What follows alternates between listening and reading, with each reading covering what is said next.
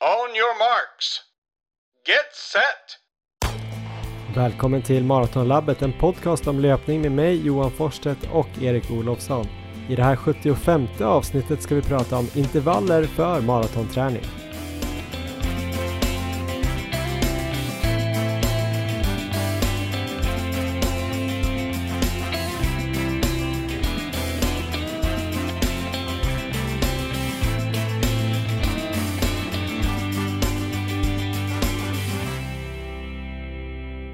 Ja, då ska ni vara varmt välkomna till veckans avsnitt av Maratonlabbet. Det här är alltså avsnitt 75 och kommer att handla om intervaller för maratonlöpare.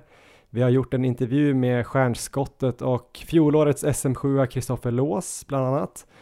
Det här är alltså den andra delen av Maratonlabbets maratonskola som presenteras i samarbete med Asics Stockholm Marathon. Ett av få lopp som vi fortfarande hoppas på ska kunna gå av stapeln här i vår. Just nu är i alla fall inget nytt beslut fattat kring loppet, men arrangörerna följer såklart noggrant utvecklingen av den här coronapandemin. Och när det finns eventuellt ny information att ge så kommer den såklart att ges till alla klart och tydligt. Och Erik Olofsson, konditionsfenomenet från Mattmar, nu bosatt i Uppsala. Hoppet ska ju vara det sista som överger en och visst vore det jäkligt kul att få springa Stockholm Marathon. Ja, verkligen. Jag håller tummarna här så det gör ont nästan. Vad skulle det betyda för dig att få komma till start i Stockholm Marathon? Du har ju sprungit det flera gånger och med blandade resultat.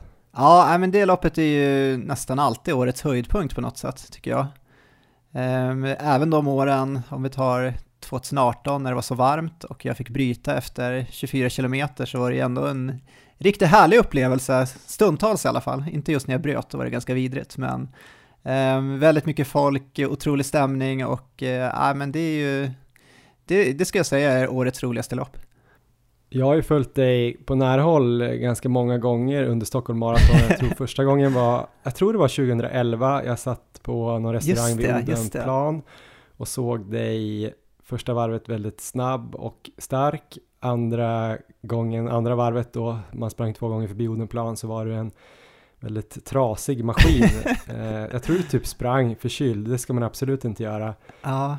Men eh, det var, såg inte bra ut. Och sen så följde jag dig ett annat år när jag träffade dig efter loppet i sjukvårdstältet när du låg och spydde åt chips. Ja. Och sen fick jag ju äran att hara dig då halva loppet i fjol när det faktiskt gick riktigt bra och du sprang in på 2.46. Ja, precis. Ja, det där 2011, det kommer jag ihåg när jag sprang förbi dig där vid Odenplan. Jag har sett video på det också. De brukar ju filma lite så här. De lägger ju gärna de här filmerna sista kilometerna av loppet av någon anledning. Och jag kommer ihåg där att jag sprang ju förbi er, jag, tyck, jag kommer ihåg att jag tyckte det var lite pinsamt för att jag kände att nu håller jag inte riktigt den farten som jag hade haft innan. Sen tror jag hade så här två nävar fulla med Dextrosol, för jag försökte få energi på alla sätt. Så det, det är typ det minnet jag har och att jag kände som att jag höll på att dö. Men eh, förra året var ju otroligt att liksom efter fyra misslyckanden eller vad jag hade innan, att verkligen, att det stämde. Och det var väl just den här eh, taktiken då, att ha dig som farthållare och du såg till där att jag skötte mig under första halvan. Plus att eh, träningen hade ju rullat på väldigt bra innan, sista veckorna där. Så eh, ja, jag hoppas få en ny positiv upplevelse i Stockholm i år, men eh, ja, vi får väl eh, fortsätta hoppas helt enkelt bara och sen får vi följa utvecklingen de närmaste dagarna och veckorna. Mm. Det är i alla fall en sorts ljuspunkt att det fortfarande pratas om att det kanske skulle kunna bli av. Det är i alla fall någonting att träna för. Hur har annars den här veckan varit för dig? Det har ju hänt extremt mycket på bara 5-6 dagar. Nu är det onsdag. Vi spelade in förra avsnittet på torsdag kväll efter att Göteborgsvarvet hade blivit inställt. Efter det har det bara eskalerat det här med corona. Håller du modet uppe? Ja, men det gör jag. Jag, jag skulle säga att jag inte tappar så mycket motivation ändå som man kanske skulle kunna tänka sig nu när alla lopp eh, nästan försvinner. Utan jag har väl hela tiden sett eh, löpningen sen vi drog igång det här som ett ganska så här långsiktigt tänk. Eh, mm. Att försöka springa med hög volym och eh, kontinuitet under en lång tid.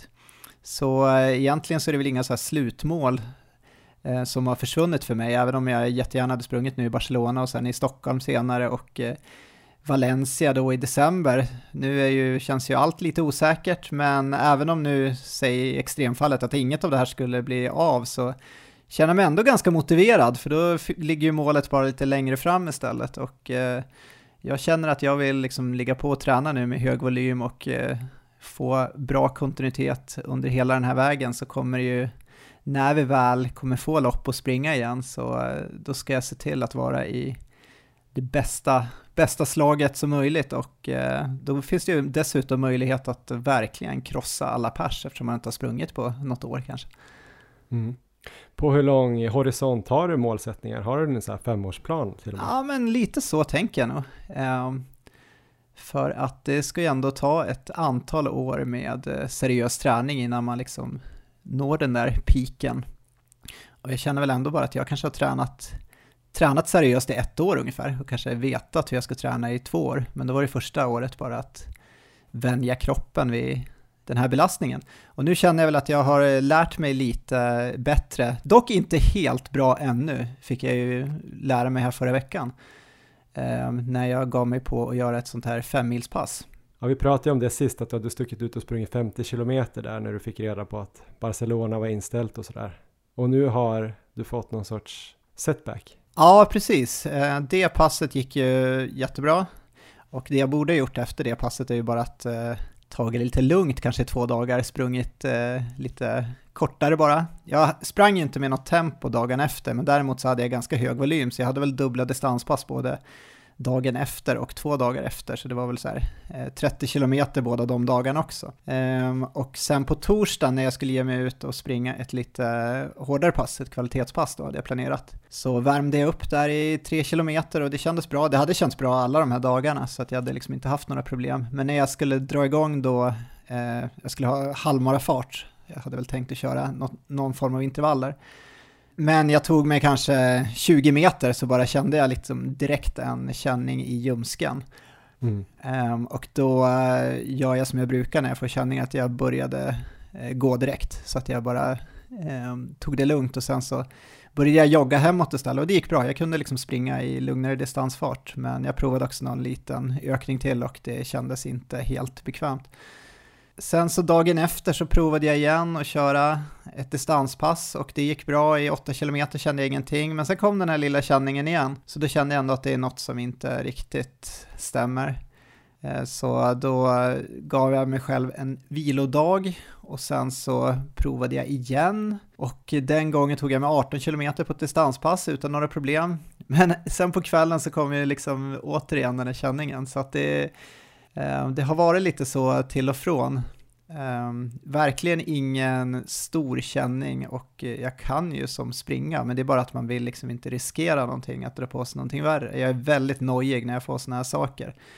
Eh, så nu hade jag satt upp i planeringen här för veckan två vilodagar och sen skulle jag testa imorgon, så det var ju en väldigt bra plan. Den planen kunde jag inte hålla helt här, för jag var så sugen idag så att jag var ute och testade återigen på förmiddagen 8 km lugnt med några stegringslopp och då fungerade det utmärkt. Så nu tror jag verkligen och hoppas liksom att det här har släppt. Det är ganska svår avvägning det där tänker jag för många löpare att eh, antingen att man känner efter för mycket och kanske blir för försiktig och ställer in för mycket pass eller då andra hållet att man går på för hårt eh, som du kanske gjorde för några år sedan. Då kanske du hade känt i ljumsken och så hade du bara ja, kört klart passet och varit borta länge liksom. Eh, har du något tips för hur man ska kunna bli bättre på att lyssna på kroppen och sådär? Jag tror bara man ska lyssna och jag tror inte man ska tänka alls att man kan vara för försiktig eller för passiv utan eh, jag tror det är bara bra om man är det.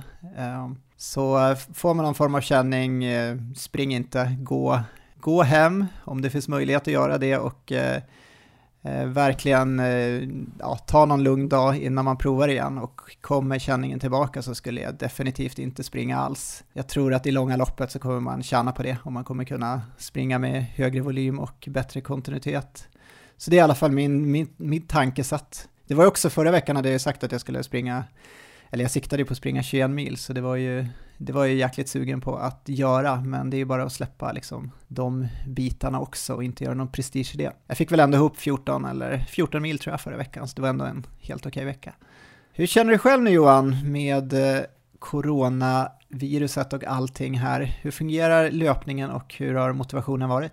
Löpningen har fungerat hyfsat bra. Det är väl en sak som får mig att eh, hålla mig på fötter höll jag på att säga. Jag har faktiskt varit lite, lite småknäckt här sen i torsdags. Um, mycket så negativa nyheter som jag känner mig påverkad av. Dels här personligen, men även då såklart eh, det oroande, oroande läget i världen, att folk faktiskt eh, såklart dör av det här och att alla restriktioner som kommer så här på samhället. Så jag har lätt att eh, gå in i det där lite grann, lite mycket. Men jag skulle nog bara vilja vara en glad skit och tänka så här, det här spelar ingen roll, det blåser över, nu får vi bara göra det bästa av situationen. Och vi ska ju försöka kanske komma dit idag, jag vet inte om vi kommer lyckas. Men förra torsdagen där så satt väl jag och funderade fortfarande på om jag skulle åka till Mallorca och springa, för det var ju en eh, resa jag hade planerat eh, sedan ett tag tillbaks och springa i ja, bergen där i Mallorca mellan olika byar. Torsdagen var jag nog ganska inställd på att jag kanske skulle åka ändå. Fredagen så började jag väl dagen med att tänka att äh, jag ställer in, det är ingen mening. Ja. Sen började jag vela fram och tillbaks, jag fick lite råd åt båda hållen. Du tyckte inte att jag skulle åka. Ja. Jag hade ändå några som tyckte så här, nej men det kommer vara lugnt, du kommer inte träffa någon ute i bergen. Ja. Eh, det kommer ju bli härligt liksom. Sen då fick jag lite oroande besked, både från Italien då, en lyssnare som eh, satt i karantän utanför Rom och de fick inte ens gå ut. Hon sa så här, alltså finns det ens den lilla möjliga risken att det skulle bli liknande så gör det inte, det är inte värt det liksom. Ja. Och sen var det en eh, adept och lyssnare som bor i Basken i Spanien Aha. som sa så här, men jag tror att uh, Sanchez här, premiärministern i Spanien, han kommer gå ut, eller han gick ut idag och sa att imorgon kommer det bli någon sån här state of alarm utlyst i hela Spanien, någon sorts undantagstillstånd. Vilket ju också slog i kraft där på, på lördag eftermiddag. Så det blev liksom besked om att eh, det skulle bli utegångsförbud från och med måndag. Alla restauranger och kaféer och allting stängdes. Och eh, ja, som tur var åkte inte jag då med mitt flyg där på lördag morgon. Ja, just det. Utan, eh, stannade hemma och sen fick, har jag fått besked här nu under dagarna här när jag skulle varit borta att mitt plan hem blev först inställt. Eh, joggare i de här länderna, i både Spanien och Italien, stoppas ju på gatorna och körs hem liksom av polisen. Ja. Vilket är ju ja, är märkligt på ett sätt för alltså. att man kan väl inte smitta tänker jag om man är ute och springer själv. Men jag hade nog kanske inte kunnat springa där i, trots att det var i bergen. Eller jag hade väl kanske säkert kunnat springa i bergen olovligt, men sen i de här byarna hade jag väl inte fått tag i någon mat. Ja, jag tror det var ett, det låter som att det var ett bra beslut där som kom fram i slutändan. Det var väl det, men det var, kändes ändå lite deppigt att inte få göra den här resan. Bestämde mig dock för att eh, testa lite nya roliga löpgrejer eftersom du tipsade om det i förra veckans ja. avsnitt att man skulle testa saker som man inte gjorde annars. Du kanske mer var inne på att jag skulle hålla på och bygga upp min hälsena och min kropp och sådär. Jag tolkar det som att jag borde sticka ut och springa ultraintervaller. Ja, precis. Eh, så i söndags då, när jag egentligen hade tänkt springa 43 kilometer i bergen i Mallorca, så stack jag ut klockan åtta på morgonen, sprang mitt första milpass eh, runt söder och sen under dagen då sprang jag en mil var tredje timme från åtta på morgonen till 20 på kvällen. Så det blev fem gånger en mil. Eh, märklig upplevelse måste jag säga. Eh, vanligtvis då riktiga sådana här ultraintervaller ja. ska ju vara då åtta stycken på ett dygn och man ska starta midnatt då första dagen och sen kör man klockan tre, sex och så vidare till 21 dagen efter. Så då har man ju det att eh, också liksom, vad ska man säga, plågas av tröttheten då från den här första natten när man bara kan sova lite grann mellan intervallerna. Det slapp ju jag när jag bara gjorde fem. Men eh, jag, jag, förstår nu att åtta skulle vara jättejobbigt i alla fall. Ja, men jag tror ju att, eh, alltså det här var ju jätteroligt att följa. Du la ju upp det på våra stories på Instagram. Så jag satt ju och följde här intervall för intervall. Och eh, det var ju väldigt bra att du bara körde fem, tror jag till att börja med, för skaderisken. Jag hoppas att det har gått bra ändå och att du har kunnat springa lugnt dagen efter. Det som hade varit i och för sig roligt att se var ju just hur du hade reagerat rent mentalt på de här sista tre intervallerna som inte gjordes då. Mm. För jag såg ju där på Instagram att första, då var du ja, kanske lite trött på morgonen och sådär och sen men ju längre det gick sen under dagen så det var som att din blick blev lite, lite så här mer och mer galen för varje intervall. Och inför den sista där så såg du ju, ja, om man tar så här en skala från 1 till 10 med galenskap, om du börjar på 1 då var du i alla fall uppe på en 7 tror jag. Så det hade varit så här, riktigt kul att se dig inför intervall nummer 8. Jag hoppas att vi får chansen att köra det framöver sen, kanske om något år, 8 gånger 10 kilometer, för då, det ska bli kul att se. Hur kändes det där inför den sista? Ja, men den sista kändes bara helt befängd och korkad att köra. Jag tänkte så här, om någon skulle fråga nu, varför gör du det här? Jag skulle liksom inte ha något vettigt svar. Jag tänkte på att du skulle ifrågasätta det i podden och jag bara, nej, jag vet inte. Den sista milen, jag stack ut klockan åtta efter middagen, Emma satt sig och kollade på någon serie och jag skulle ut och blåste ju som fan också och så skulle jag springa längs eh, Årstaviken bort och världens motvind och nej, det var bara så himla konstigt. Benen var ganska trötta då också. Och jag kände så här, det hade ju varit mycket smartare på något sätt att kanske bara köra ett pass på 35 eller 40 kanske. Det hade säkert gett mer på något sätt till min liksom fysiska utveckling. Men eh, ja, den var jättekonstig. Jag skulle säga att de tre första, alltså den första var jag lite seg i kroppen bara för att det var på morgonen. Men andra halvan var jättehärlig. Den andra var jag liksom i toppform. Den gick ju ganska fort också utan att jag ens försökte ta i. Tredje tog jag ut i skogen då, ut mot Hellasgården. Och då blev det ju som en liten uh, utflykt. Så den gick också ganska lätt och där fick jag ju sätta mig och fika efteråt. Det var väldigt mysigt, satt bredvid någon liten brasa som glödde där. Var det kort vila mellan tredje och fjärde? Jag tänker du skulle springa tillbaka sen. Den blev ju lite kortare för att jag eh, sprang väl lite i skogen och den tog lite längre tid än milen. Men det var inte så farligt. Jag fick ju nästan två timmar och sen den fjärde då skulle jag ju ändå hem så då tyckte jag att eh, den var jätteseg i början. Men eh, där fick jag upp farten ordentligt så den kändes också rätt skön att jag skulle bara hem och käka middag. Men sen då att sticka ut igen var jätteknäppt. Så då såg jag också när jag kollade igenom några av de här storiesarna att eh, ja, jag började liksom garva mitt i meningarna och så här, att jag ser, eller jag liksom märker själv att det här är korkat på något sätt. Uh. Just när jag började tänka på vad grannarna skulle säga om de såg mig, att jag stack ut så här eh, igen då. Att, ja, jag vet inte, men det var väldigt kul eh, projekt och sådär och jag och jag har varit väldigt seg i benen och stel och sådär, men jag har inte känt att jag har haft någon direkt skada efter det. Mm, nej, men det viktiga efter en sån där dag tror jag nog att man verkligen då tar det lugnt de kommande två dagarna, även om man känner sig ganska fräsch, så sliter det nog mycket mer än man tror. Ehm, men vad skulle du säga är eh, största vinningen med ett sånt här pass då? Säg nu att du kanske ska ge dig på något ultralopp i framtiden möjligen och eh, skulle lägga in någon sån här form av träning. Eh, tror du det är den fysiska biten som liksom är det bästa med passet eller är det mer mental träning att hålla på så länge? Jag tror ju såklart att det finns någon typ av blandning där. Skulle jag liksom satsa mot någon ordentlig ultra, alltså längre än 50 då, kanske upp mot 80 eller 90 till och med, alltså kanske Ultravasan eller så, då tror jag säkert att de här, eh, kanske att man skulle kunna göra 6 gånger 10 eller 6 gånger 12 eller något sånt där för att försöka få upp eh, den distansen på en dag ändå, fast lite mer eh, hållbart på något sätt skulle jag säga.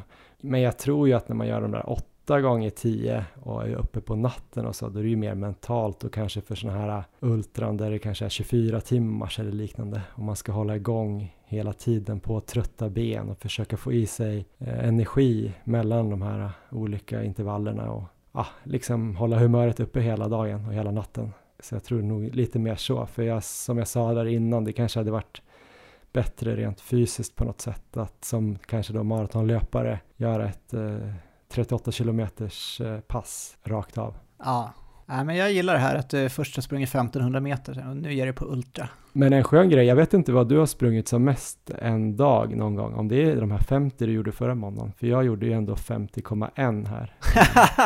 ja, just det.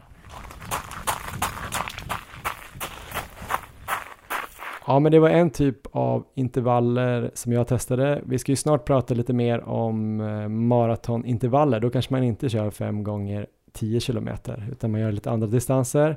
Men innan vi kommer in på det så ska vi också berätta att det här avsnittet är också ett samarbete med Flowlife som ju brinner för bra återhämtning och som har tagit fram flera olika produkter kopplade till träning och återhämtning. Två av de här produkterna är ju massagekudden Flow Pillow och den här massagepistolen Flowgun som man själv kan använda för att behandla trötta och stela muskler och det kanske är perfekt nu när läget är som det är om man inte vill riskera att gå ut och smitta varandra i onödan så kan man behandla sig själv hemma. Erik, du har ju använt både Flowpillow och Flowgun ganska mycket. Hur skulle du säga att de har hjälpt dig? Ja, men jag är väldigt såld på båda. Flowgun har jag ju framförallt använt mina vader då. Eh, jag har haft mm. problem med strama vader som jag har fått ordning på här under det här året, så att eh, det är mycket tack vare, tack vare Flowgun. Så nu på slutet så har de känts riktigt bra. Eh, Flowpillow använder jag på ett helt annat sätt egentligen. Där har jag mer typ legat i soffan och låtit den göra jobbet själv så att säga. Så jag har kanske legat och kollat på en fotbollsmatch och och låtit och massera vaderna först och sen kanske flytta den till baksida lår och rumpan och liksom eh, fått alla muskelgrupper en i taget typ. Så jag har kunnat legat där och kollat en hel match, nästan en och en halv timme där och eh, det jag tänkte innan som jag provade var ju att eh, jag trodde väl kanske inte att den skulle kunna massera så hårt egentligen. Det var liksom min tanke så här, en massagekudde, den, ja, hur mycket kan den massera egentligen? Men den tar alltså riktigt rejält så att eh, Eh, väldigt eh, skön att eh, ha med sig i soffan när man ligger och kollar på TV. Ja, grymt. Eh, om ni går in på flowlifesweden.com, alltså deras hemsida, så kommer det vara 20% där hela helgen från och med idag fredag när ni lyssnar på det här och så lördag söndag. Eh, så vi tackar Flowlife för det. I förra avsnittet av Maratonskolan Erik, då pratade vi om långpass för maratonlöpare med fjolårets SM2 på maraton Johanna Bäcklund. Det är ju avsnitt 71 om någon skulle ha missat det. Och idag ska vi prata om intervaller för maratonträning med fjolårets SM7 Kristoffer Lås. Kristoffer slog igenom på allvar med det resultatet i fjol och han är ju en väldigt spännande löpare eftersom han bara satsat seriöst på löpning i runt två år och snart är han väl under 2.20 på maraton. Här kommer en intervju med Kristoffer Lås. On your marks. Get set! Ja, nu är Maratonlabbet på utflykt. Vi är i Vasastan i Stockholm hemma hos Kristoffer Lås och han är hundvakt idag om det kommer låta någonting konstigt här i bakgrunden. Whitney är här. Hur är läget Kristoffer? Det är bra. Eh, lite sliten från fyra dagars hård träning men eh, ja, det känns bra ändå. Vi kommer prata ganska mycket om kanske den träningen eller din träning överhuvudtaget eh, jag tänkte att jag skulle börja och prata lite om bakgrunden för det är ganska intressant. Du är ju 28 år som jag har förstått det och eh, fotbollsbakgrund. Ganska lik bakgrund som jag och Erik har, att vi spelade fotboll på hyfsat hög nivå och nu springer vi. Bara det att du är ganska många klasser bättre och mycket yngre och mer lovande. Hur kom det sig att du började springa? Eh, jag har väl alltid haft någon slags fallenhet för löpningen då. Äh, Även när jag spelade fotboll så var, var en av mina styrkor att springa mycket på planen och vara uthållig i slutet. Eh, och sen har jag alltid gillat de här, eh, den här försäsongen med intervallträning som jag gjorde med fotbollslaget. Eh, och sen utöver det så gjorde jag också lite egen träning eh, ute i spåret och sprang sådär. Men inget, jag sprang i mitt första lopp 2016 då. och då spelade jag fortfarande lite fotboll men på en lite lägre nivå än tidigare. Vad sprang du på då? Det var 2016 Stockholm Marathon va? Ja, precis. Jag fick det i födelsedagspresent från tjejen eh, i januari. Och så gick jag på ett eh, Salkai träningsschema. Fortsatte spela fotboll och träna. Eh, la in några längre eh, löppass på det men jag tror jag kom upp i typ 25 km som längst så eh, jag fick ju problem sen på loppet. men du kom i mål och sådär och vilken tid blev det? Ja, eh, målet var att göra sub 3, precis som det målet ni hade från början. Eh, jag öppnade alldeles för fort, blev jättetrött i slutet och det var gamla banan så då sprang man via Odenplan. Och det var väldigt mycket uppför där och jag kommer ihåg att jag behövde gå eh, en liten stund där. Sen var det nog bara en dimma sista 7 km in i mål men när jag sprang in på stadion så såg jag ändå att jag hade lite marginal under tre timmar. Så typ 2.56 tror jag det blev hyfsad debut på den banan och eh, med längsta långpasset 25 km. Ja, jo, jag var nöjd efteråt men jag var så trött kommer jag ihåg. Kommer att mina föräldrar ville skicka mig till sjukhustältet men jag satte mig ner en stund och fick käka lite så mådde jag bättre. Innan vi går in på vad som hände mellan 2016 och 2019 så eh, om man snabbt spolar fram till 2019 då, tre år senare, så sprang du in på stadion, kanske lite piggare eller du såg väldigt pigg ut, sprang på 2.24, 54, kom sjua i SM. Eh, hur var det? Eh, jo, det var väldigt kul. Jag hade en målbild på att göra runt 2.25 eh, tidsmässigt. Det är alltid svårt att veta vilken placering man får. Eh, tidigare år har det räckt till en mycket bättre placering. Eh, men förra året så var det väldigt hård konkurrens, vilket är väldigt kul. Eh, men det var framförallt hur jag genomförde loppet som jag var mest nöjd med. Att jag sprang andra halvan nästan lika fort som första halvan, eh, trots banan. Så jag öppnade liksom kontrollerat och moget och sen kunde jag hålla andra halvan ungefär samma fart då. Ja, men eh, om man bara går in lite grann då, vad har hänt under den där perioden då, från 2016 till 2019? Vi kan ju såklart inte gå in i detalj, men eh, översiktligt. Ja, eh, det var väl efter 2016 där så sprang jag inte jättemycket de eh, kommande två åren. Jag var med i en löparklubb ute på Ekerö med Sofia Sundberg, en ultralöpare. Eh, och sprang lite smålopp, gjorde milen under 35 och någon halvmara på typ en 18, en 15, jag kommer inte exakt ihåg. Försökte springa Lidingöloppet året efter har jag för mig. På sub 3, eh, nej sub 2 menar jag såklart. Och klarade jag precis. Och sen eh, var jag iväg och pluggade lite utomlands. Jag hade inga större mål med löpningen. Eh, men jag tyckte det var väldigt kul. Och sen eh, gick jag med i Fredrikshof 2018 på våren. Och därifrån har det, har det med hjälp av Fredrik Urbom som hare utvecklades jag väldigt mycket 2018 och sen så i slutet av 2018 så valde jag att kontakta Christian Munt eh, och få hjälp på ett mer personligt plan. Eh, Uris i Fredrikshov, han är ju en väldigt bra tränare eh, men det, det, det, är ingen personlig träning utan där man kommer till passen och kör och han ligger längst fram som har eh, håller exakta farter, mätta utifrån björkars avstånd och liksom fram till lyktstolpen är det 400 meter och ja, sådär. Och sen när jag fick personligt, ett personligt schema med Christian Munt då, så kände jag att jag tog ett kliv till liksom. Men där 2018 när du började med Fredrikshov kändes, kändes det som att du liksom gick framåt eh, ganska fort i halvåret och märkte du att du hade talang liksom? Jag antar att de andra måste ha sett att du kunde springa liksom?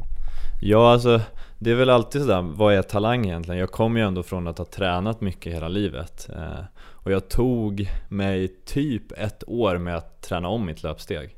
För att eh, ja, läste Born to Run-boken och man skulle springa med på framfoten och, och sådär. Eh, så jag tränade om mitt löpsteg. Så jag har väl skapat mig förutsättningarna för att kunna utnyttja en talang, skulle jag säga. Eh, men det är klart att när jag började i Fredrikshov så var det så här, vem är det här nu då? Som kommer och springer längst fram med Uris där i klungan liksom. Då utvecklades jag väldigt fort när man fick ha andra löpare runt omkring sig, för det triggas man mycket av. Det märkte jag. Jag är en löpare som gillar att springa tillsammans med andra.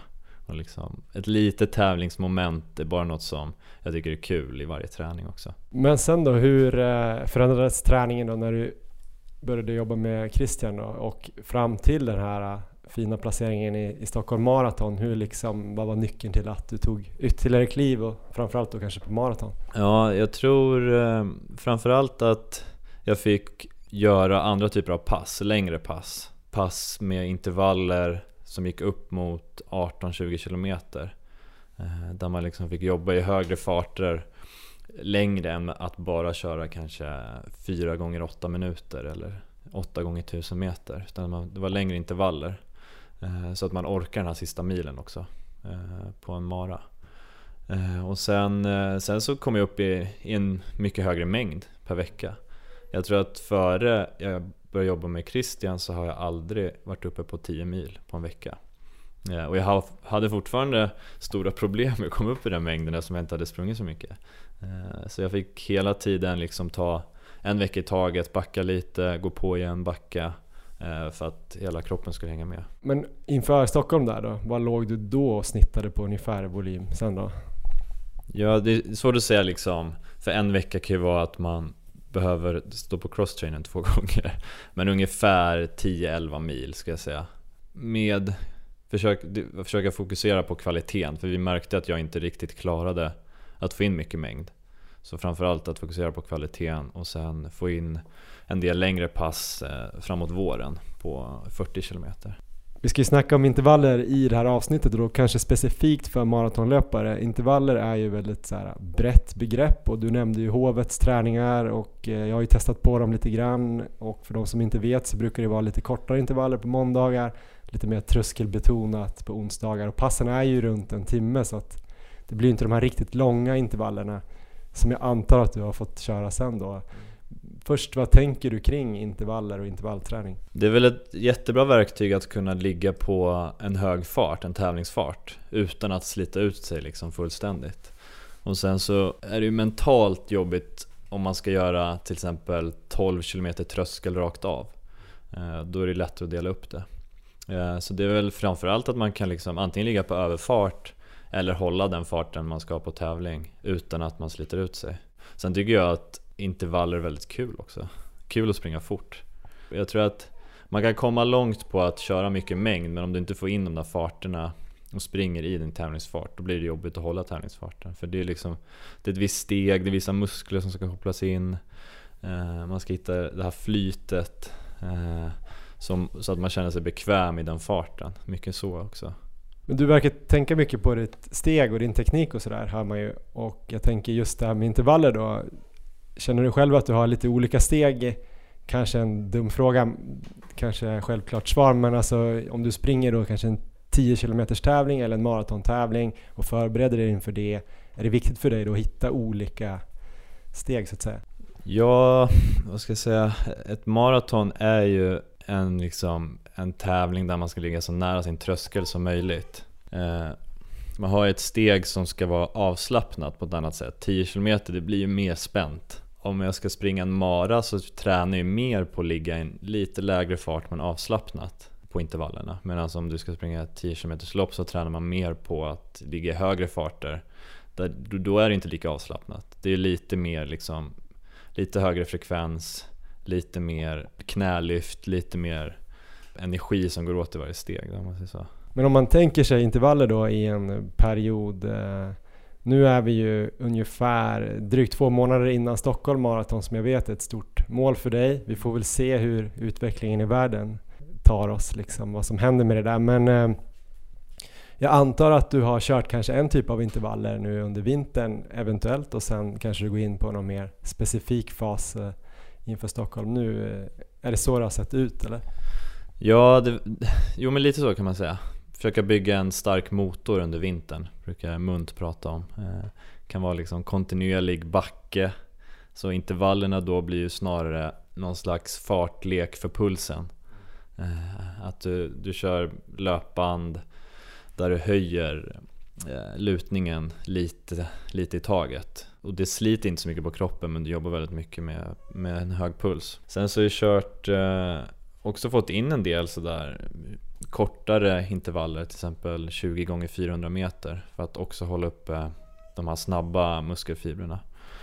Eh, annars så eh, i fasen vi är just nu så blir det ganska mycket fartlek. Det tycker jag är kul. Eh, igår körde jag ett pass det är så himla långt att förklara men jag kan försöka.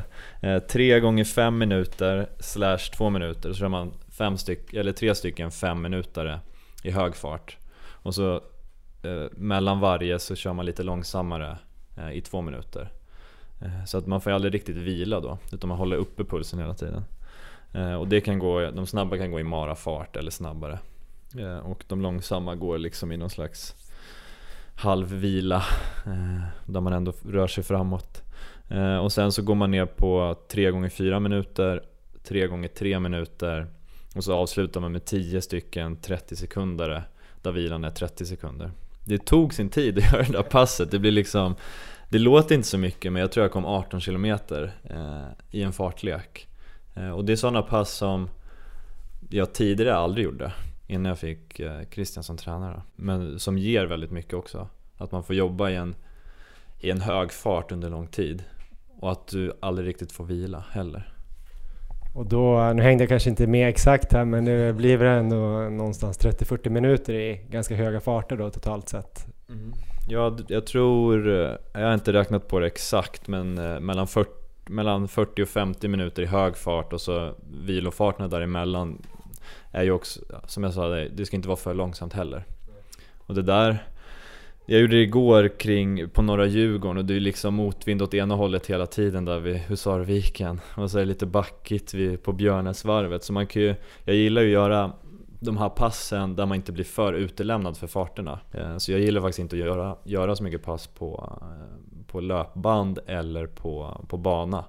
För att då är det liksom så här, varje, det är så himla tydligt om du springer för långsamt eller för fort eller så. Utan det blir lite mer på känsla. I slutändan så handlar det inte om du sprang 3.15 eller 3.17 eller om du sprang 3.43 eller 3.45 eller vad du nu har per kilometer. Eh, utan det är liksom att passet ska göras. Eh, och om du kan hitta dina egna sätt att ta sig igenom passen mentalt eh, och hålla farten uppe så är det bättre än att, det liksom, att du bara blir stressad av att du inte håller tiderna. Men vad har du lite andra, vi får gärna nörda ner oss här lite intervaller så har du några andra liksom varianter som ni kommer köra eller har kört framöver? Uh, ja, um, om, om vi ser till den här fasen nu, två och en halv månad kvar till Stockholm Marathon, uh, så är det ju de här lite längre uh, intervallerna. även ett pass som jag gjort tidigare som är väldigt jobbigt, det är 6 gånger 3 km. Så 3 km i marafart och sen 1 km i lite lägre fart. Ja, och då kommer du upp i, ja vad blir det, 25 km, 24 km. Och det är jobbigt också. Eh, men också något som får dig att orka hålla sista milen på maran. Eh, så jag skulle säga att de här långa intervallerna är någon slags nycklar till det. Och sen när vi börjar närma oss kanske maj, början av maj, så kan man ju gå på kortare fartlek. Till exempel 15 gånger en minuter och sen eh, eh, så är vilan i, i, en minut också. Eh, och sen eh, efter det kan man lägga in, alltså att du kör den fartleken och sen i samma pass så kör du 5 km efteråt. Så att du också liksom triggar in, eller lär kroppen att springa fort när du är trött. För det är det som ett maraton är. Och då kan man också träna på att ta energi däremellan och så, så att man liksom får in det. Eh, och sen är det två veckor kvar så kan man köra, då har jag kört ett 6 gånger 1600 meter. Där man ligger på i marafart också. Eh, så det blir, det blir lite kortare intervaller eh, ju närmare man kommer ska jag säga. Men man ska inte heller, det pratade ni om i ett tidigare avsnitt, att man ska inte dra ner på mängden för mycket inför heller. Men de här intervallpassen, långintervallpassen sliter väldigt mycket också. Så om man ska hålla mängden uppe kanske man ska dra ner på de kvalitetspassen lite men ändå köra eh, distanspassen. Och sen, eh, ja, min rekommendation är ju att eh, försöka köra kuperat och utomhus. Och strunta i farterna så mycket. Det viktigaste är ansträngningen. Där på ansträngningen, går du liksom helt efter känsla eller kollar du någonting på puls under passet eller är det mer än någonting du kanske kollar av efteråt eventuellt? Eller hur tänker du där? Ja, efteråt kollar man ju i alla fall. Det är kul att se vad man har gjort, eller mindre kul att se. Eh, men jag skulle säga att när jag körde med Uris som farthållare i typ ett år i Fredrikshof så lärde man sig liksom farterna så pass bra så nu går jag helt på känsla. Jag ställer klockan på Eh, medelfart på hela passet och så kollar jag aldrig på klockan vad för fart. Utan bara kör. Och då, det är som jag sa innan också, då blir det inte så himla tydligt vilken fart du håller utan det blir lite på känsla. Och ska du springa fort så är det ändå det som är målet. Eh, och då får du lita på din ansträngning. Känner du att den strategin också hjälper dig på något sätt på tävlingar sen? Att du kan liksom bedöma farten efter känslan, att du inte då kanske går för hårt i början? Ja, jag har gjort, jag har gjort eh, alla möjliga fel under lopp eh, om man ser till det här då. Men eh, till exempel Midnattsloppet förra året så öppnade jag första tre kilometerna med ett pers på tre kilometer. Eh, men då är det lite nerför också, så lite lättlöp där. Eh, men då var bara målet att springa så fort som möjligt. Och då hade jag ingen koll på ansträngningen för att man hade liksom endorfiner från att stå längst fram i starten och det var massa folk och en bil längst fram som liksom ropade här kommer eliten, typ sådär. Eh, så då, man kan ju, det är så himla lätt att falla för det här att man går för hårt i början. Och det försöker man säga till alla nybörjare. Spring inte för fort i början, men jag gör ju också det. Så, eh, men ett maraton så har man inte råd med det. En 10, 10 km så har man ju råd med att vara trött i början, för det är inte så långt ändå. Det gäller ju att hitta sin ansträngning och liksom vara klok i vad man tar för beslut. Ska jag gå med i den där klungan? Ska jag hamna i min egen fart? Eller ska jag, ska jag liksom gå ifrån den här klungan för att jag känner mig pigg? Eh, och det, I lopp där det handlar om placeringar så är det ännu viktigare egentligen. Eh, hur du ska göra med dina motståndare. Eh, jag hade Stockholm halvmaraton förra året så hade jag Linus Rosdahl som låg i min rygg hela loppet och det var ganska blåsigt. Och han ville inte gå fram och dra. Eh, och jag, man börjar bli trött då i vinden. Och då tänker jag liksom att om han ligger kvar här i min rygg kommer han ju ta mig i slutet. Eh, så, då, då, så fort det kom en backe då så la jag en spurt i backen för att göra ett ryck. För då fick han vinden själv också och då klarar han inte av att hänga med. Men då blir man ju helt förstörd själv också, men det blir ju han med. Så, Och det kan man också ha med sig att i tävlingar, är jag trött så är andra också trötta. Om man eh, bara tänker lite, du nämnde de där äh, 6 gånger 3 km Är det liksom ungefär den volymen du brukar komma upp till inför alltså 18 km då i marafart plus då den här ganska snabba vilan. Eh, är det dit du brukar nå och hur har ni byggt upp till det eller vad skulle du rekommendera för de som kanske inte är så pass erfarna? Ja, alltså det, i början så gjorde jag 4 gånger 3 km och sen 5 gånger 3 km, sen 6 gånger 3 km. Så det, det, man får ju liksom, man får ju bygga upp de där passen just för att man måste få en känsla för hur, hur tufft det är, hur mycket man klarar. Samma sak, vi jobbar med långpassen bygger vi upp så att jag gör först kanske 28 km, sen gör jag 32 km nästa vecka och sen veckan efter det 35. Det känns skönt också mentalt att veta att om jag gjorde 28 förra veckan, då kan jag väl göra 32 den här veckan. Och så tror jag många löpare tänker också att man liksom baserar, man baserar sin status på vad man gjort tidigare. Och har man då bockat av pass så vet man att man klarar det. Hur tänker du kring eh, snabbare intervaller i den specifika perioden? Visst, det finns ju lite två skolor där känner jag att vissa vill att man ska springa fort för att tycka att ens maratonfart sen är långsam och vissa vill att man inte ska hålla på och jobba så mycket i det energisystemet. Typ. Mm. Alltså jag, jag, jag, vet faktiskt inte. Jag är, jag, är en, jag är inte så bra på, jag är inte skolad inom löpningen så jag kan ju inte de här bitarna. Jag har inte nördat ner mig så mycket i det heller utan jag tog hjälp av Christian just av den anledningen. Eh, men det jag märkt är väl att försöka bli så allround som möjligt hjälper kroppen. Om man ligger på typ 13-14 mil i veckan och så helt plötsligt lägger man in snabba 200-ringar så får man grov träningsverk i vaderna, då vet man ju att där kanske jag behövde stärka upp lite. Eh, så jag, och jag tycker också att det är kul att köra de passen. Hur eh, tänker du nu då inför årets Stockholm Marathon? Eh, har du något liksom placeringsmål eller tidsmål i år?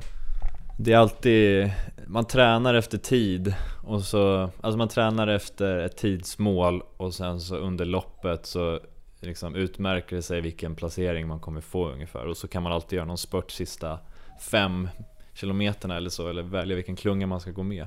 Men målet har alltid varit att, och det var det förra året också, att ta mig upp på pallen.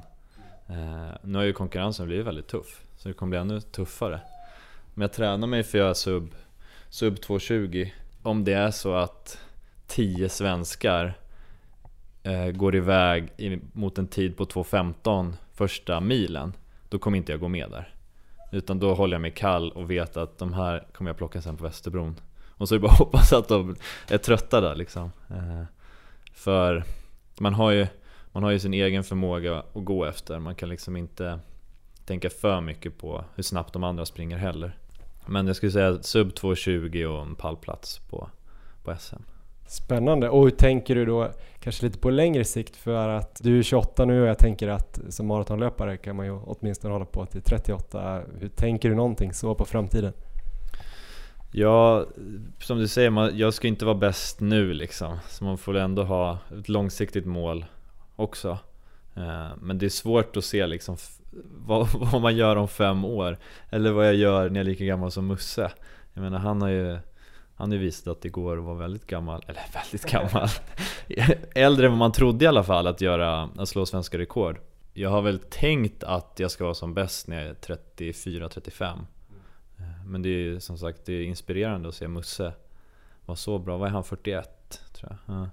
Så jag kommer fortsätta att träna på, försöka bli så, så bra som jag kan bli. Eh, och hela tiden ha någon idé om att inte stressa fram de här resultaten för mycket. För så har det varit tidigare att när man slår pers på varje lopp till slut slår man ju taket på sin förmåga. Eh, och jag hade en liten sån, ska man säga, eh, eh, utplaning av kurvan i höstas eller vintras nu förra året. Där jag inte persade på ett maraton. Och då blir det ju mentalt att man måste liksom börja om, tänka om lite. Egentligen handlar det bara om att fortsätta träna. Var det det du lärde dig, största lärdomen, när du då inte kanske kom under 2.20 som du hade hoppats här i höstas, vintras? Ja, och också att man kan inte ta för lätt på eh, sin förmåga. Alltså även om träningen säger att du bör göra det här, för så har det varit tidigare, att ja, jag tränar, jag springer de här farterna, då borde jag kunna göra det. Men när man hamnar så pass nära sin förmåga det, det blir ju, då blir det ju mindre marginaler mot eh, om man gör rätt eller fel eh, i uppladdning och så. Och eh, det visade sig att jag inte, jag tror inte jag gjorde allting rätt. Och då var det jobbigt att springa. Grymt Kristoffer, du får göra allting rätt här i 30 maj. Så hoppas vi att det räcker till pallen och under 2.20. Ja, tack så mycket. Ja, Erik, Kristoffer Lås kom väl vi kanske i kontakt med framförallt där inför Kungsholmen runt i fjol när han eh, erbjöd sig att hara mig under 1.20. Vilket ju han gjorde jäkligt bra. Han hade lärt sig där av sin läromästare eh, Fredrik Urbom kändes det som. Ja, det var jämn och bra fart hela vägen va? Ja, det var otroligt jämnt och så lyckades han ju också dra mig i smyg då en minut snabbare än måltiden så jag kom in på 1.18.59 det ska jag ha stort tack för. Men sen där några veckor senare, efter det där loppet stack han ut och sprang mer. Det var ju som ett träningspass och tre veckor senare sprang han in under 2.25 på Stockholm Marathon. Han har haft en otroligt snabb utveckling som löpare hittills, har ju bara då satsat seriöst i två år kan man säga. Hur bra tror du att han kan bli Erik? Um, jag tror han kan bli riktigt bra. Vill du ha en tid? Ja, jag vill ha en tid på maraton. Jag säger 2.11.43. Det är Oj, riktigt bra. Det är jävligt bra ändå. Ja. Med tanke på att han inte har heller någon bakgrund som löpare egentligen, även om han har hållit på med löpsporten fotboll. Men eh, det är lite spännande med de här löparna som kommer fram som inte är skolade löpare i grunden. Jag tycker främst har man väl sett dem på damsidan på maraton. Ja. Alltså Hanna Lindahl, Mikaela Arvidsson, Johanna Bäcklund, Carolina Wikström, Starfelt. Det är väl typ ingen av dem som hållit på med löpning när de var små egentligen. Nej, inte friidrott i alla fall, sprungit. tror jag. Nej. Men på här sidan har det väl funnits lite färre sådana högt upp i resultatlistorna. Så vi får se om det kommer flera. Ja, det blir spännande. Han har ju ett otroligt löpsteg alltså. Det ser så jäkla lätt ut när han springer. Ja, det ser verkligen extremt lätt ut när Kristoffer Lås springer. Jag har även sett hans brorsa springa. Det ser exakt lika lätt ut, även om det kanske går lite långsammare än så länge. Men Kristoffer eh, berättar ju här att eh, han verkligen har jobbat med sitt eh, löpsteg så det är inte helt naturligt enligt honom. Men eh, ja, det ser jäkligt lätt ut i alla fall. Snacka om gasell. Han har ju också såklart kört mycket intervaller de här sista två åren och intervaller då är inriktade främst på maraton, tänker jag. Um, om man pratar om intervaller, Erik, så är ju det ett väldigt brett begrepp verkligen. Och det finns ju olika typer av intervaller som passar olika bra i olika faser av träningsperioden inför ett maraton. Vad tänker du på när man säger intervaller för maratonträning? Um, äh, men det är ju väldigt varierat skulle jag säga. Och uh, mm. går vi nu in i den perioden som vi är på väg in mot Stockholm nu då, med tio veckor kvar nu, så mm. ska man ju mer springa de här längre intervallerna. Och uh, innan då, kanske i någon mer grundperiod, så är det ju inte så mycket kanske längre intervaller i marafart, utan då kanske lite kortare och uh, högre fart. Så det är väl ungefär eh, lite grundtänk som jag brukar ha. Just det. Om man nu tänker din träning fram till Barcelona Marathon som du skulle ha sprungit för en vecka sedan ungefär. Hur la du upp det då i de olika faserna man tänker mer specifikt kring intervaller? Hur korta körde du i början och hur långa körde du mot slutet? Eh, om vi tar de sista 8-9 veckorna inför Barcelona så tänkte jag mycket på att få en bra progression in i det. Eh, just att bygga upp då med de här marafartsintervallerna så att jag inte gjorde för långa intervaller eh, från början. Dels då för att det skulle bli högre skaderisk om jag hade klivit på med till exempel 4 gånger 5 km på en gång. Men även just för att få den här progressionen rent mentalt så att man känner att liksom man gör kanske lite bättre för varje pass. Eh, börjar man på en väldigt hög nivå så är det svårt att liksom få den där mentala boosten när man kommer närmare loppet.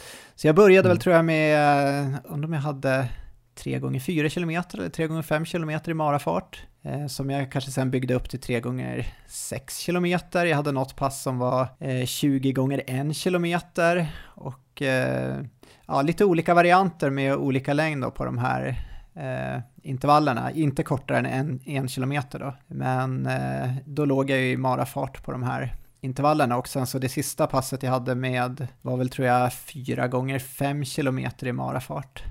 Sen så även då nere i, eh, när vi var nere på läger där två veckor innan, eh, så la ju Christian Munto upp ett pass för mig där och det skulle man ju kunna säga var någon slags förberedande pass där med två veckor kvar. Då jag sprang eh, två kilometer i marafart och sen så en kilometer fem sekunder under marafart och sen körde jag sex stycken av dem så att det blev ju totalt 18 kilometer. Ehm, och sen så var det väl eh, undrar om det var två minuter joggvila mellan varje intervall så att säga. Så det var alltså två kilometer och en kilometer i lite olika farter. Så eh, det var lite sådana pass. Och om man tänker då vilan eh, på de här andra som du gjorde, kanske tre gånger sex och sådär som du pratade ja. om. Körde du den här då lite mer klassiska höll jag på att säga, men en kilometer flytvila som kanske är någonstans 80 procent av maratonfart? Ja, precis, det var det jag siktade på, så att jag låg väl, försökte väl ligga ungefär 30 sekunder då över marafarten på flytvilan och det var en kilometer då. Ja, just det. Och eh, du började där sa du någonstans med 3x5 kilometer, alltså 15 kilometer totalt i intervallvolymen. Hur långt ska man gå innan man ska vara nöjd inför ett maraton? Alltså hur hög volym ska man ha totalt, eh, tycker du? Jag tycker det är väldigt individuellt. Man får ju verkligen fundera där på eh, vilken nivå man ligger på och vilken totalvolym man har. Jag tycker väl alla ska liksom gå åt det hållet i den här specifika perioden de sista åtta veckorna, att de ska gå mot längre intervaller. Men om man kanske springer sig en 6-7 mil i veckan, då ska man ju inte försöka sikta på att springa till exempel 4 gånger 5 km i marafart, för det kommer bli alldeles för hårt. Så då får man ju sätta kanske ett lite snällare mål där, men jag tycker man ska försöka sätta ett mål som man eh, vill kunna klara av med ungefär två veckor innan loppet och sen eh, börja bygga mot det då progressivt. Om det sen är 3 gånger 5 km kanske slutmålet kan vara i marafart, då kan man ju börja med eh, 4 gånger 2 till exempel, eller något sånt där. Och sen så, sen tror jag man kan eh, variera lite hur långa intervallerna är, men försöka bygga upp totalvolymen då på de här marafartspassen så att man kommer upp då till sitt slutmål i slutändan. Är man på elitnivå då är det ju vissa som kör 5 gånger 5 km och eh, det finns ju även de som kommer upp i typ så här totalvolym på 30 km i marafart också så att det är ju, eh, det varierar ju. Det mest extrema fallet jag tror jag läst om, det var ju en kvinna som hette Lydia Simon från Rumänien. Mm. Hon, jag tror hon tog medalj på tre VM i maraton, vann guld 2001 och hon har även ett, en medalj från eh, OS i Sydney 2000. Hon brukade i alla fall köra 3 gånger 10 km som var något snabbare än marafart till och med. Och sen mm. la hon in 10 minuter återhämtning så jag antar att det var ståvila då mellan intervallerna. Men det är nog det, så här, mest extrema fallet jag har hört av eh, liksom, långa intervaller där det är, ja, det är samma, egentligen är det samma sträcka som du körde på dina ultraintervaller. Men här snackar vi ju farter som då är snabbare än marafart till och med. Ehm, men hon menar ju också att det där tog ju många år att kunna liksom bygga upp till att klara av det passet och om man inte var så erfaren så tyckte hon att man kunde sikta kanske på 3 gånger 5 km eller möjligen 2 gånger 10 mm. Det jag har hört lite grann som jag tycker lät ganska extremt men det är också en extremt bra löpare det är ju Sondre Nordström Moen som ju tränas av Canova som kör mycket marafartsintervaller. Jag tror han körde väl någon stege ner från 7 till en kilometer, 7, 6, 5, 4, 3, 2, 1. Just det. Han har säkert kört något hårdare också.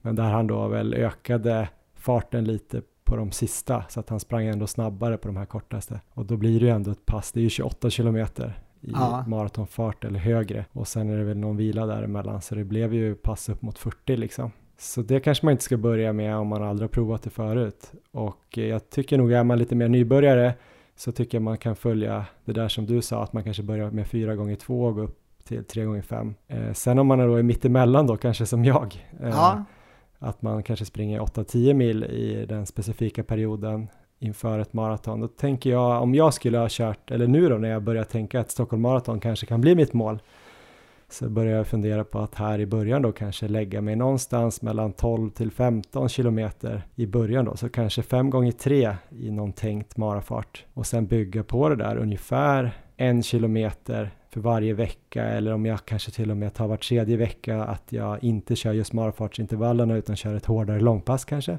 just det. Men så bygga upp mot ungefär 20 tror jag skulle kännas rimligt för mig att, Eh, att köra då i intervallerna. Men sen om det då skulle vara 4 gånger 5 eller kanske 5 gånger 4 eller 10 gånger 2 det återstår väl att se. Det viktiga verkar ju på ett sätt vara att köra den här totala eh, distansen på det här passet. Eh, men att man kanske kan justera det lite beroende på vart man är också. Så för dig kanske det ska vara lättare att köra 4 gånger 5 men jag kanske inte riktigt är där uthållighetsmässigt men däremot fixa 10 gånger 2 Dock blir det då 9 kilometer extra där emellan, alltså de här vilorna. Så det blir ju ändå ett pass som blir 29 plus uppvärmning och nedjag, så det blir långa pass. Ja, verkligen.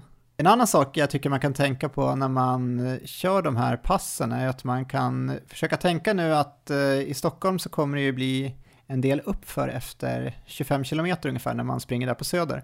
Mm. Så man kan ju försöka simulera banprofilen lite, alltså inte vara så rädd att kanske lägga in eh, vissa av de här intervallerna där det är lite backigt, kanske gärna då eh, någon av de sista intervallerna där man har lite trötta ben redan. Eh, det blir lite som att följa kanske Kristoffers råd och, och springa mer kuperat. Han var väl inne på att göra det mer rent allmänt i träningen.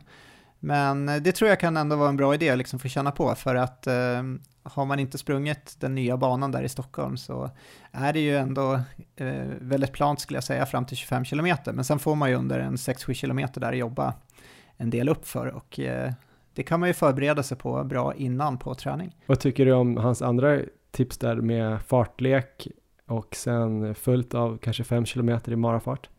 Ja, men det tror jag också är eh, väldigt bra grejer. Jag tyckte vi fick eh, mycket råd av Kristoffer som är väldigt bra. Vi körde något liknande där 2018, vi har väl pratat om det typ tio gånger minst. Eh, Ja. Ekvalls monsterpass, det var ju ett långpass egentligen men det var ju en massa kvalitet inne i det där långpasset. Bland annat fem kilometers fartlek, en minut hårt och en minut lugnt. Och eh, sen följt av 10 kilometer tror jag, marafart.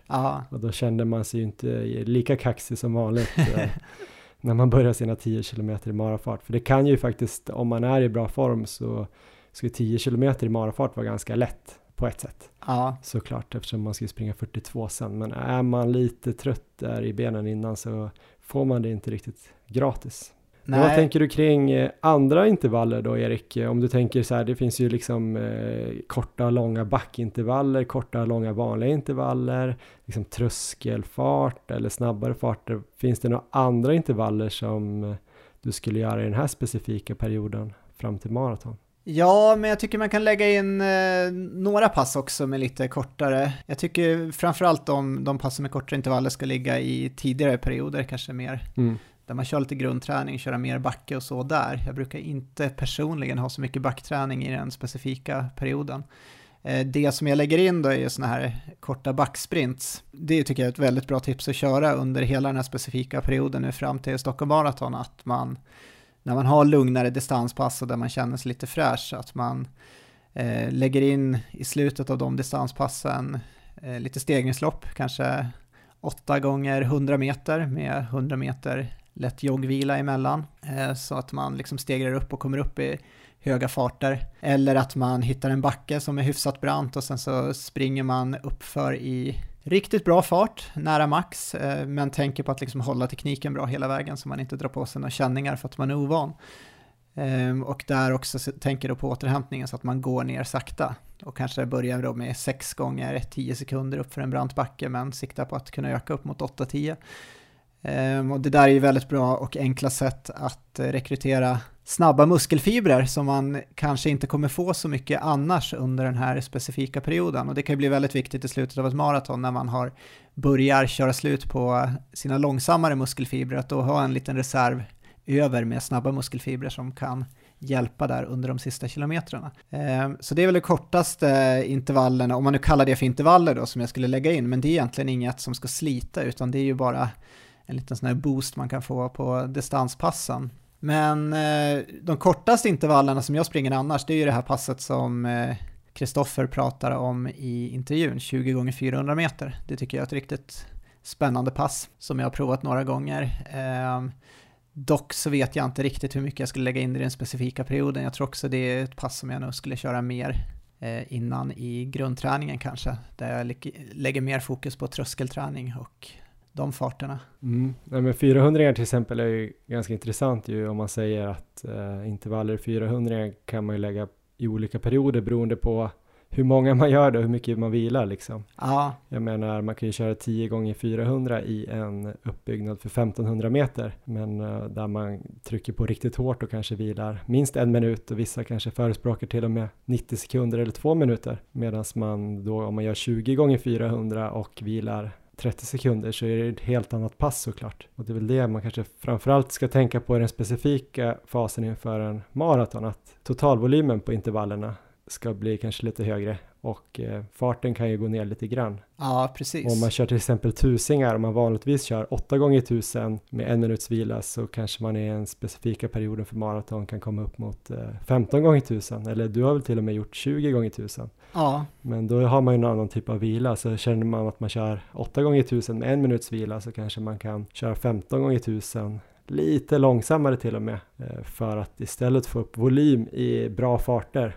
För jag menar, om jag skulle springa maraton säger vi då på 4.00 fart nu, eh, ja. utopiskt sett. Så även om jag springer tusingar i 3.45 så blir det en typ av snabbhet för mig. Det blir i alla fall snabbare farter än maraton. Så man kanske inte behöver ligga och trycka de här 330-320 tusingarna. Nej, så att eh, om man ska sammanfatta så kan man, jag tycker man kan lägga in det, men det ska inte vara så mycket av den typen av träning i den specifika perioden nu, utan istället försöka ha mer fokus på uh, marafartsintervaller och uh, lite längre intervaller helt enkelt. Det finns ju såklart också olika skolor för hur man förbereder sig bäst för ett maraton, men ett sätt att tänka är ju kanske att om man har tre faser så börjar man kanske lite med grundperioder, man bygger volym men också börjar jobba lite mer med snabbhet och eh, backe till exempel för att få upp eh, styrkan i löpningen. Och sen kanske man går över lite mer på tröskelträning som ju fortfarande då är snabbare än, än maratonfarten och sen då inför maraton så kanske man gör mer och mer runt maratonfart och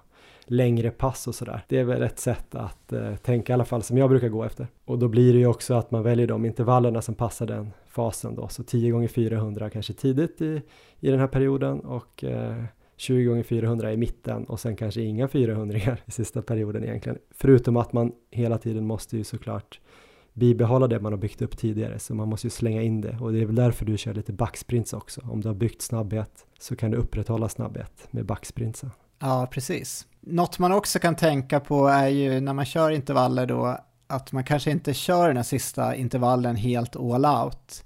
För det är egentligen inte så bra att dra på sig en massa mjölksyra och liksom ha blodsmak i munnen efter de här passen. För det som kommer hända då är att återhämtning kommer bli lidande och eh, vi kommer ju ha kvalitetspass som ligger några dagar framåt som säkert kommer tappa i kvalitet om man eh, liksom har den strategin hela tiden. Plus att det dessutom kommer ju öka skaderisken markant. Och det viktiga är ju egentligen bara att liksom få kontinuitet hela vägen framåt Stockholm Marathon så att man kan träna med bra volym vecka efter vecka. Eh, lyckas man med det så kommer det ju gå bra.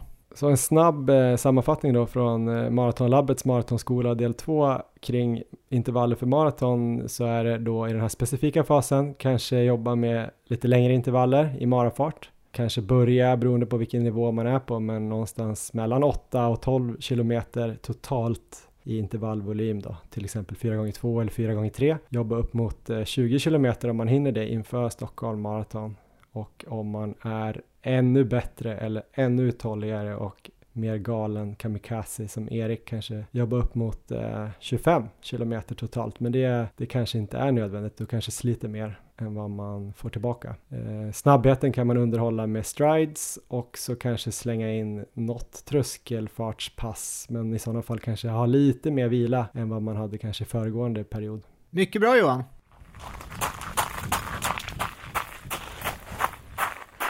Det var väl ungefär det vi hade att säga om intervaller för maratonträning. Erik, hur tänker du framöver? Hur lägger du upp din träning nu?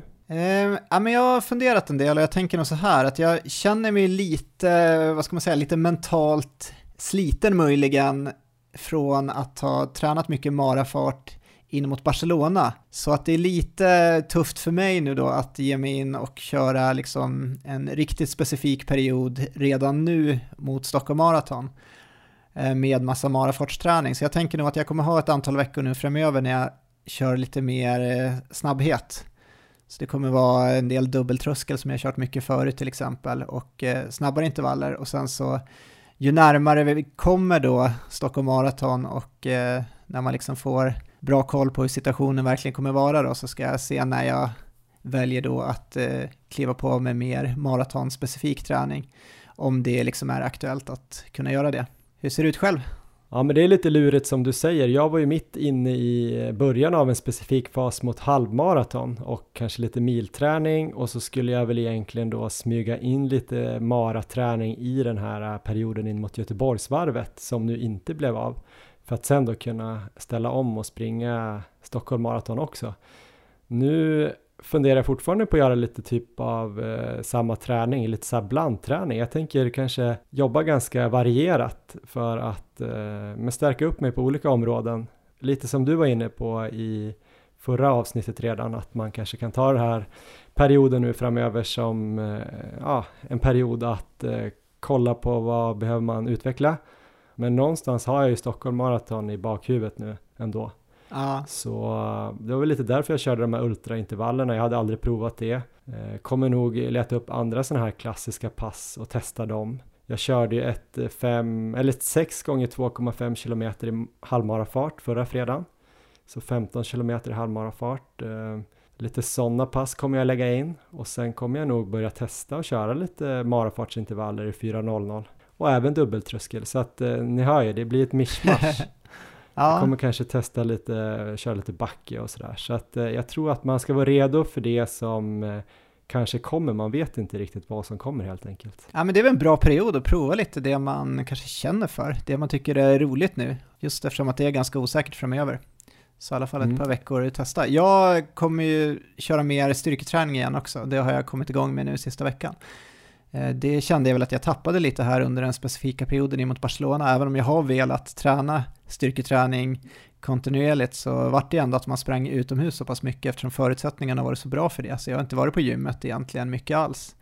Men jag hoppas nu att gymmet kommer fortsätta vara öppet, det vet man inte heller och eh, då ska jag försöka lägga in en två, tre pass i veckan i alla fall och eh, verkligen se till att eh, fortsätta jobba på den biten. Ja men det är skitbra Erik. Eh, Du ser lite tunn ut tycker jag över kroppen. Eh, Men om man ändå är en sån här person som kanske drivs av att mäta sina krafter både med andra och eh, mot sig själv i lopp så här och många lopp nu har ställts in. Hur ska man tänka här framöver då? Finns det några ljuspunkter tänker du? Det dyker ju upp lite såna här små lopp här och där. Kan det vara något? Ja, det kan det absolut, eh, om de blir av. Man får ju hålla koll här vad som händer framöver. Jag såg väl idag så var det väl Danmark som införde, var det tio personer tror jag, på sådana här allmänna sammankomster. Och eh, Just det, det blir små lopp. blir det i Sverige då, då kan inte loppen vara så stora längre. Men eh, det, det får man ju hålla koll på, det dyker upp lite och eh, där, finns det, där finns det nog möjligheter. Sen tänker jag att eh, man kan ju ge sig iväg till en löparbana själv kanske. Det Mm. blir ju, det kommer bli varmt här och eh, vår förhoppningsvis. Och då är det ju inte, det behöver inte vara kontrollmätt då, utan kör man 25 varv, då är det ju en mil, 10 000 meter, så där kan man ju verkligen få prova själv. Man kanske gör som vi gjorde för ett par år sedan Johan, kommer du ihåg när du, jag, din bror och din kusin var iväg på Kärrtorps IP? För då skulle jag Mm. gå för pers på 10 kilometer. Det här var ett antal år sedan och eh, då hjälpte ni mig och eh, var harar var tredje varv tror jag. Just det. Fantastiskt upplägg. Eh, Var det otro- 37,5 du skulle springa på då? Eller var det ännu snabbare? Ja, men jag tror jag sprang på låga 37 någonting då. Och det hade jag Mm. aldrig någonsin klarat själv då. Men eh, det var riktigt roligt. Så att eh, man kanske kan ge sig iväg några kompisar till en bana och eh, ehm, hjälpas åt lite där. Så kan man försöka Mm. ta pers själv helt enkelt. Mm, men är man fyra stycken så kan man ju eh, kanske i alla fall på två dagar kan man få ihop att alla får göra en maxmil för att eh, då kör man vart tredje varv som har det när person ett då gör sitt eh, mil pers försök och sen så byter man då kanske på eftermiddagen och så dagen efter kan man ju ta de andra två personerna. Då borde man ju ändå palla det tänker jag. För det är lite svårt tänker jag, alla har inte det där superpsyket att man går och dunkar 25 varv själv på Kärrtorps IP och persar.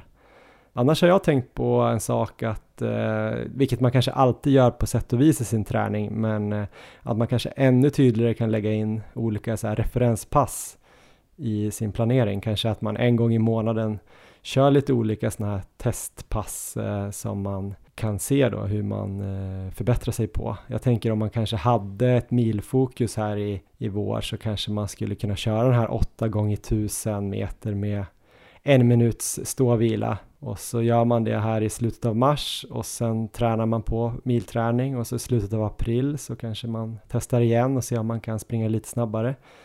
Och så kan man kanske göra lite sådana grejer. Halvmaraton skulle kunna vara att man eh, dagen för Göteborgsvarvet sticker ut och kör 5 gånger 3 kilometer, 500 meters eh, joggvila ungefär eh, 45 sekunder långsammare än halvmarafart och eh, se vad man kan hålla för snitt där och eh, maraton då hoppas vi såklart att Stockholm Marathon blir av men annars eh, får man väl testa att köra de här 4 gånger 5 kilometer med en kilometers eh, joggvila i 80% av marafarten.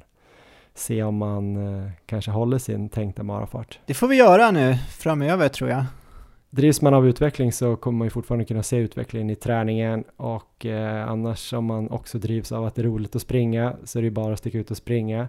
Älskar man att springa i skogen som jag gör, som jag märkte att jag eh, gillade väldigt mycket här i söndags när jag körde en mil i skogen, så kanske man borde springa lite mer i skogen. Och älskar man eh, löpband som du Erik, då får man se till att träna på en gymkedja som inte är stängd. Ja, eller köpa hem ett snart kanske, om det blir Just det. karantän i Sverige. Vi får se.